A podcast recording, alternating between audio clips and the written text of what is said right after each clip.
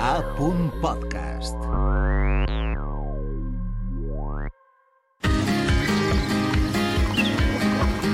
Ben i parlem, un podcast per aprendre valencià amb Aina Monferrer. Bon dia, comencem un nou podcast de Ben i Parlem. Avui tenim uns convidats molt especials. Els tres són professors de valencià d'Escola Oficial d'Idiomes i han exercit en escoles que van des de Castelló de la Plana fins a Dènia, passant per Saidia, Quatre Carreres o Llíria. A més, han sigut examinadors de proves de certificació de valencià d'Escola Oficial d'Idiomes i també han examinat per a la Junta Qualificadora i per a SIACOVA, que són les proves de les universitats valencianes. Saludem a Marta Hortells, a Gabriel Pascual i a Empar Morelló. Hola. Hola a tots. Hola. Molt bon dia. Bon dia. Comencem per Marta Hortells, que és de Vila-real, però fa molt de temps que viu a València, per tant ja és mitjoueta. Marta, tu em sabries dir per què el sugus de pinya és de color blau? Mm, no tinc ni idea, suposa que perquè el groc mm, és per a la llimona ja estava agafat, mm, Sí. però és que no tinc ni idea, la pot veritat. ser, pot ser. I també t'he tingut un poquet enganyada, perquè sóc de València ciutat. Però, clar, que el meu parlar és de Vila-real i per això la meva Ostres! família està tota allà. He sigut enganyada Totalment. per Marta. Gabriel Pascual és de Poble Nou, de Benitatxell, a la Marina, i té un riurau impressionant. Gabriel, com va el club de pilota de Poble Nou de Benitatxell enguany? Esteu bé en la classificació? Bé, enguany hem, hem quedat segons sobre el paper, encara que fins i tot els campions ens deien que vam ser els campions de Lliga. Ostres, I ara l'espera i al gener a tornar a començar. molta sort per a vosaltres. Empar Morelló és de Bétera, el poble de les alfàbegues gegants, i Empar, eres més de xocolate o d'olives? De chocolate sempre, Aina, de chocolate sempre i en qualsevol estat i posició. Eh, de les oliveres, eh, sense menys tenir res, m'interessa des del moment en què estan a l'arbre Sí. i quan venen amb un ratget d'oli per a... Eh, Amanir. amanir eixe pimentó torrat de Vicent Andrés Estellers. D'acord. I he de dir-te una cosa. Digues. He estat també a l'escola de Torrent i com que Ostres. són xocolaters i m'has apuntat a aquesta cosa, tenen de malnom xocolaters, aleshores també hauria de dir això. Doncs bo és Torrent. saber-ho, bo és saber Així tenim professors de valencià de moltíssimes escoles oficials d'idiomes. Ben i parlem, un podcast per aprendre valencià amb Aina Monferrer. I després de les presentacions ens endinsem al moll de l'os del programa d'avui, en què parlarem sobre on estudiar valencià, compararem els tipus de proves de valencià que hi ha i comentarem algunes qüestions sobre signes de puntuació, jugarem una miqueta... Esteu preparats? Endavant. Sí. I preparades? Crec que sí. Sí. Marta, la primera pregunta és per a tu.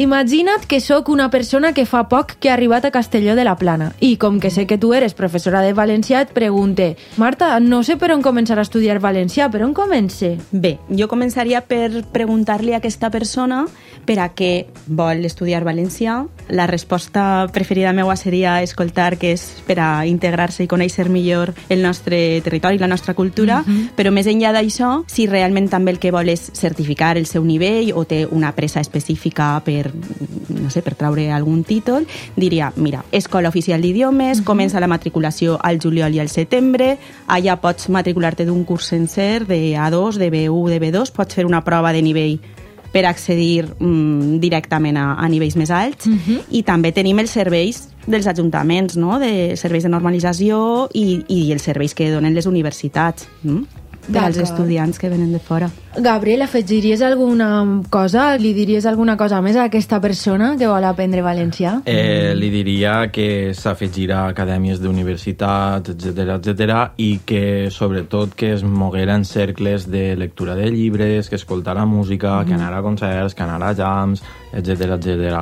Els valencians es caracteritzen perquè són, la majoria són músics, per tant, que es moguera en aquests cercles també.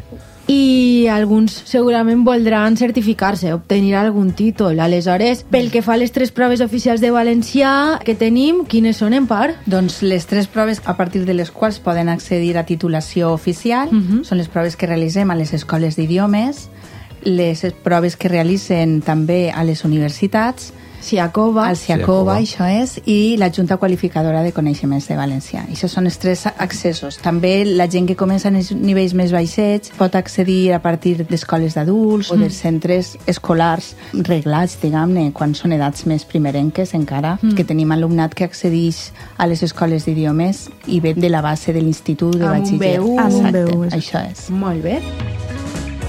Gabriel, aquestes proves per a matricular-se, això va, va succeint-se al llarg de l'any o has d'estar pendent d'una data concreta, d'un mes concret? No pots estar pendent d'una data concreta o d'un mes concret, però sí que pots guiar-te per unes dades concretes segons l'organisme a què et presentes. Si eres el, vols presentar-te per l'Escola Oficial d'Idiomes, uh -huh. hi ha dos terminis de dates per a matricular-te com a alumne oficial, que són a juliol i a setembre, i si vols presentar-te com a alumnat lliure és per febrer-març. Per la Siacova, que hi ha dos convocatòries, la de gener i la de juny, t'has de matricular segons la universitat. Recordem que segons la universitat, si eres alumne oficial o alumne lliure, tens dret a examen o no. Uh -huh. T'has de matricular per a la convocatòria de gener a novembre i per a la convocatòria de juny, si no recorde mal, és per març-abril. Uns pocs mesos abans. Uns un pocs de mesos abans, sempre. I per la Junta Qualificadora, aquesta última convocatòria ha sigut a octubre, la matrícula va ser per abril-maig. Mm. Has d'estar atent uns mesos sempre abans. Clar, consultar les pàgines web perquè aquesta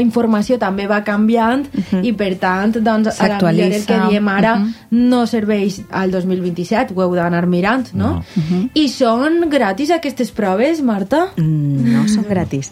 Però la veritat és que pense que tenen un, un preu molt assequible tenint en compte tot el que impliquen.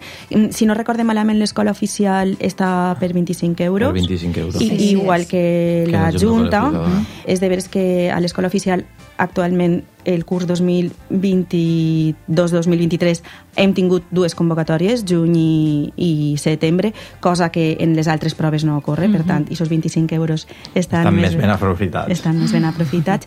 I sincerament no sé si la Siacova és un pèl més cara. La Siacova depèn de el que hem dit abans, si eres alumne de la, Ah, de la exacte. universitat o no. Si eres alumne oficial tindràs un preu mm, reduït, és més, molt reduït, Mhm. i si no ho eres pagaràs un poc més. I cada universitat també canvia eh, les tarifes. Exacte.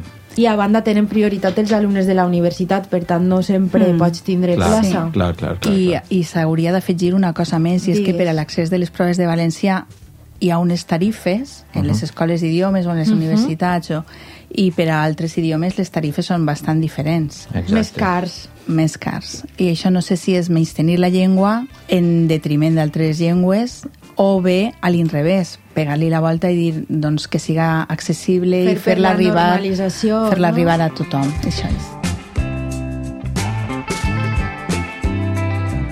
Jo si vull un títol de valencià, imagineu-vos que acaba d'arribar així, vull un títol de CU de valencià pel que necessite per a ser professora, però acaba d'arribar, aleshores, què recomanaríeu a aquesta persona? Marta, li recomanaries que directament s'examinarà d'un CU? La veritat és que no li ho recomanaria perquè seria com jugar a la loteria, no? Jo pense que primer hauria de, de prendre contacte amb, amb les institucions que hem dit o fins i tot amb material de vegades que hi ha online, eh, a YouTube hi ha diverses webs, i que es presentarà una prova de nivell per tal d'accedir a un nivell ja un B1. A partir d'un B1, si tu et dediques, pense, un any i mig molt intensament a estudiar valencià, i estar en contacte amb la llengua i començar a parlar en l'ambient, perquè és una llengua ambiental. Recordem això respecte a altres idiomes que s'estudien, no? Clar. eh, que és una llengua ambiental, no estem estudiant anglès, estem en el lloc on es parla valencià i és I es pot bo, practicar. i es pot Exacte. practicar. Jo pense que en un any i mig esforçant-se molt, d'un B1 a un C1, Sí. Es pot arribar, no? Tenim, Ja. tots tres hem, hem tingut casos de- de- d'aquestos, gent que ve de Burgos, gent que ve de Madrid, gent que ve d'Extremadura, De Múrcia. que, de Múrcia, que comencen en un B1 i en un any i mig es planten i són alumnes teus de C1 o fins i tot de primer de C2, segon de C2, etc etc.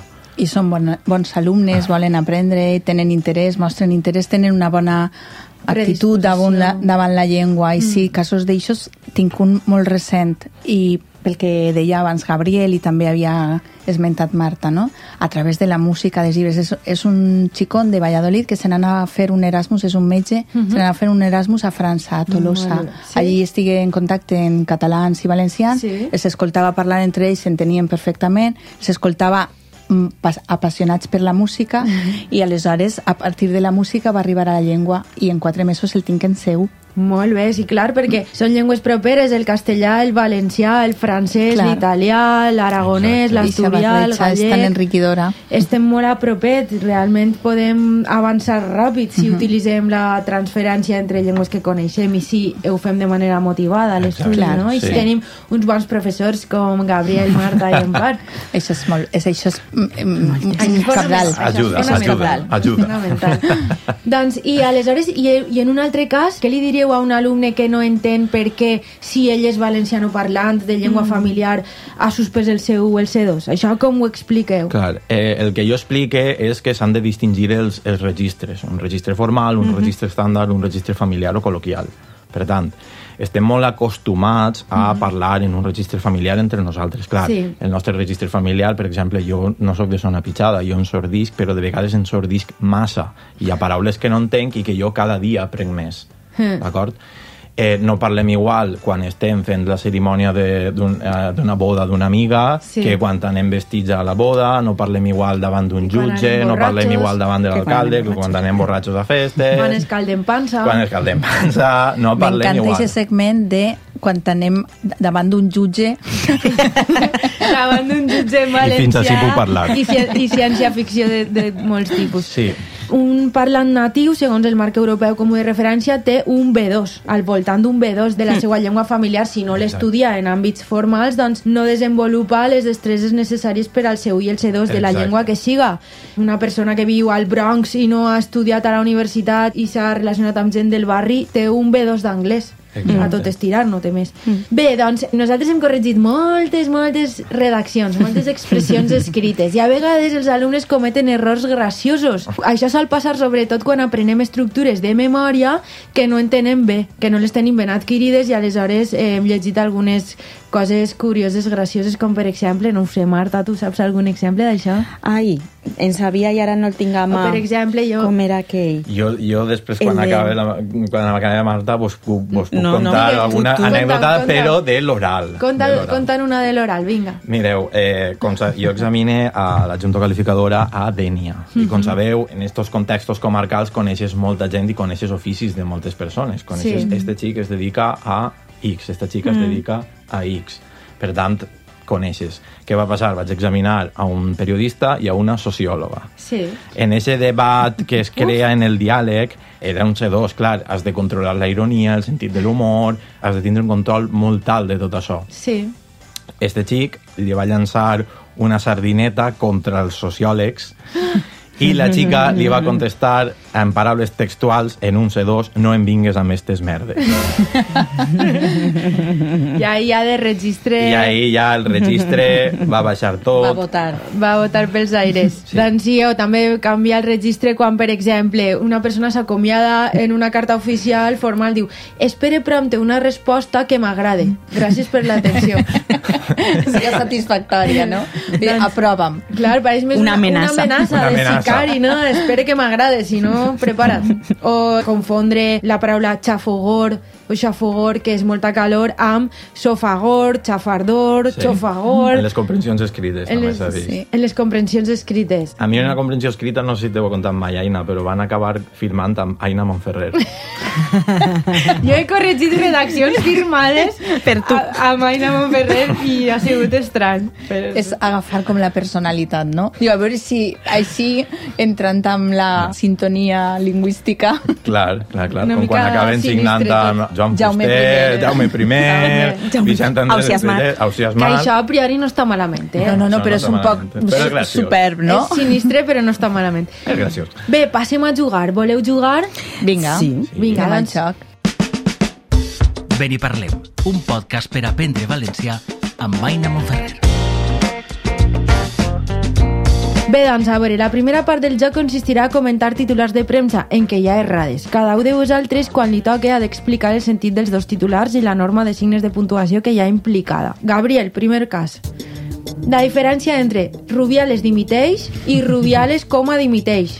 O dimitix. Eh, una frase és enunciativa i l'altra és imperativa. Aleshores, què és més imperatiu? Si li poses la coma en Al mig. vocatiu. Com si jo dic, Gabriel, calla. Exacte. Gabriel Calla està enunciant el que jo he fet i l'ordre que m'ha fet Aina és Gabriel Calla. Gabriel Coma, coma calla.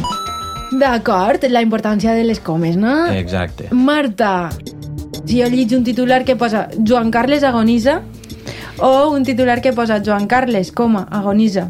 Bé, en el primer hem de dir adeu a Joan Carles perquè probablement morirà. Eh, I en el segon estem desitjant que probablement morga, però això, li posem la coma per a demanar-li, per favor, que vagi anant. És, Amb aquesta imperativa, no? instrucció imperativa. I la Una primera ho descriu. Ho descriu, efectivament. Tercer cas per empar. Sense comes. Prohibit fumar gas inflamable Ah, que no. O, Que no? o prohibit fumar com a gas inflamable. Ahí està. En, en, D'alguna manera mostres una informació, en el primer cas, no? Prohibit fumar gas infumable. Com era això? Com era la cosa? Prohibit fumar gas inflamable Ahí estàs prohibint, no? Ah, sí, exacte. Aquesta és la prohibició expressa, no? una, una enunciació amb una ordre taxativa de, per favor, feu el favor que esclate, que esclata tot. I en la segona, prohibit... Ah, no, com era? Espera. prohibit fumar com a gas inflamable. Exacte, estàs alertant en la segona, no? De Ah. aneu en compte, Ah. si no tot es va en orris. En la segona implica un perill i en la primera simplement és per vici, no? No fumeu Exacte, gas. feu el favor de no pertorbar la vostra salut. I per a Gabriel, si jo dic no m'agrada venir parlem, Uh -huh.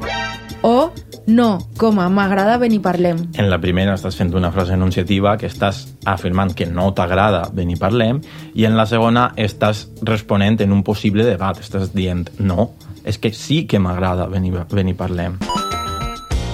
Com expliqueu a Marta, per exemple, com expliques a un alumne o alumna teua que realment té importància perquè puga aprovar un C1, un C2, un B2, que utilitze bé els signes de puntuació? Clar. Si no posem una coma, podem comprendre exactament el contrari. Per tant, ha de quedar el sentit sempre molt clar i més en un nivell tan alt en què s'exigís expressar-se amb complexitat. En este si la punt. idea, la idea bàsica ha de quedar clara. No? En este punt sí que ens serveix, podem transferir el coneixement que tenim de com puntuar correctament els textos en italià, en anglès o en castellà en al valencià, excepte quatre casos, en general coincidís. Coincidís. Sí, Sí, són sí, sí, sí. convencions L'ús de la coma i del punt. internacionals, sí. Després d'esta primera part del joc, en què hem comprovat que un canvi mínim en un signe de puntuació pot canviar tot el significat d'un enunciat, passem ara a la segona part del joc, que es titula De col·loquial a formal. Anem allà. En què consisteix? Anirem escoltant talls de veu mítics de moments graciosos d'apunt o de l'audiovisual valencià com si fos un zapping i heu d'anar transposant-los a la llengua formal si cal. El que sí que vull remarcar molt clarament és que tots estos talls són perfectíssims per a una situació comunicativa en la qual s'han produït, que normalment és informal, i que ara el que farem simplement és imaginar què faríem si els haguérem de modificar per a fer-los en valencià formal, però no perquè el que ja ja estiga malament, sinó simplement transposar-ho en un altre registre i ja està. Primer tall, este és per a empar. D'acord. Quin apel·latiu que al·ludix a un defecte físic té la Mare de Déu dels Desemparats? Calva. Ay, qué La bonito. Cheperudeta? Te van a pegar, te van a... ¿Qué vienes? Em van a crucificar. Claro, hombre. Ai, este és molt freqüent, no? Eh, este anara, més infinitiu, me, me van a crucificar, canvies, capgires el pronom i després si sé anara més infinitiu, doncs en crucificaran, no? Hauríem de dir, a gastar el futur. No sé si seria aquesta Sí. l'opció, més enllà de que la Mare de Déu siga calva o no siga calva la Oye, xeperudeta. perudeta. doncs sí, eh, anar a més infinitiu per a futur en valencià formal és incorrecte i els pronoms en principi els hem d'utilitzar em, et, es, ens... D'acord, això era. Segon tall, per a Gabriel. Així tens el vi, la llimonada, el cacau, tens la teua ensalada, què vols demanar-me? Pues no tenien ganes de, de venir a almorzar un bon bocadillo de sepia, I per acabar, un bon carajillo de ron. I s'ha acabat. En primer lloc, molt bona elecció, l'entrepà de sèpia. Sí que, Per a tu l'esmorzar, eh? Per a mi l'esmorzar, sempre.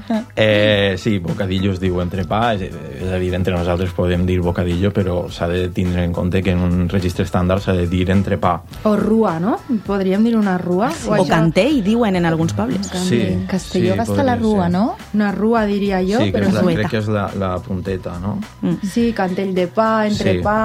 Sí, sí, sí, sí. I a banda també les paraules que acaben en nada, sí que és de veres que en un registre més informal sí que diem llimonar, eh, o ensalada, teulà, però en, en uns registres estàndard cal dir eh, teulada, ensalada, llimonada, etc etc. Només tenim excepcions com cremar, plantar, fideuà, que sí que es, es queden Sí. així, però en general hem de fer la terminació ada. És com en castellano, diem, estoy cansada, vengo de hacer una caminada. no, Exacte, diríem, estoy exacte. cansada, vengo de, de hacer una cam... Bueno, hacer no diria, però és igual.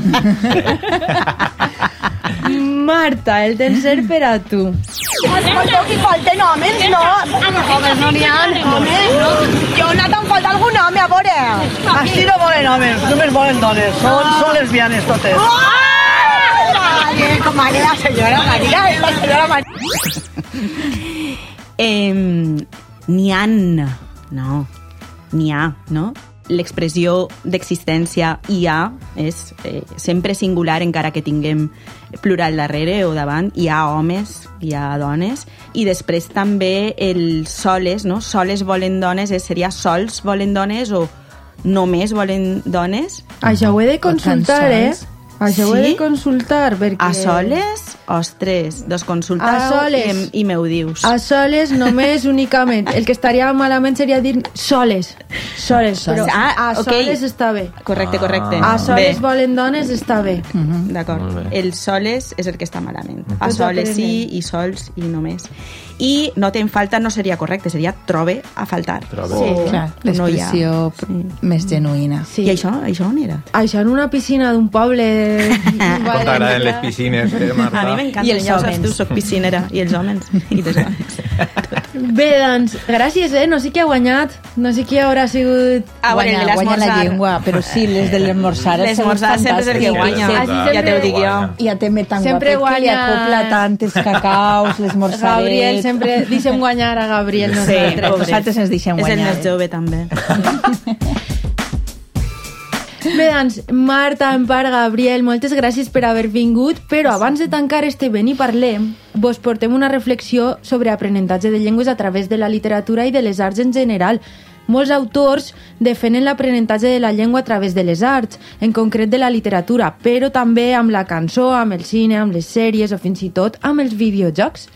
I aleshores el que recomanem molt són les rutes literàries. Heu fet alguna ruta literària? Sí, n'hem fet alguna, alguna geografia literària a la ciutat, però també diria, cremem molt el pobre Vicent Andrés Estellers, no? Eh. Tenim aquí a Burjassot a la vora dels estudis, la veritat, la, la pròpia ruta de Burjassot, però també la ruta a la ciutat de València. D'Estellers pel centre de D'Estellers. València. I de Marc sí. Granell. També hi ha una ruta literària de Marc Granell Mhm. i també està molt xula. A Altea tenen la de Carmelina Sánchez Sí, Cutillas, és cert. a Sueca tenen la Casa Museu de Joan Fuster... Mhm.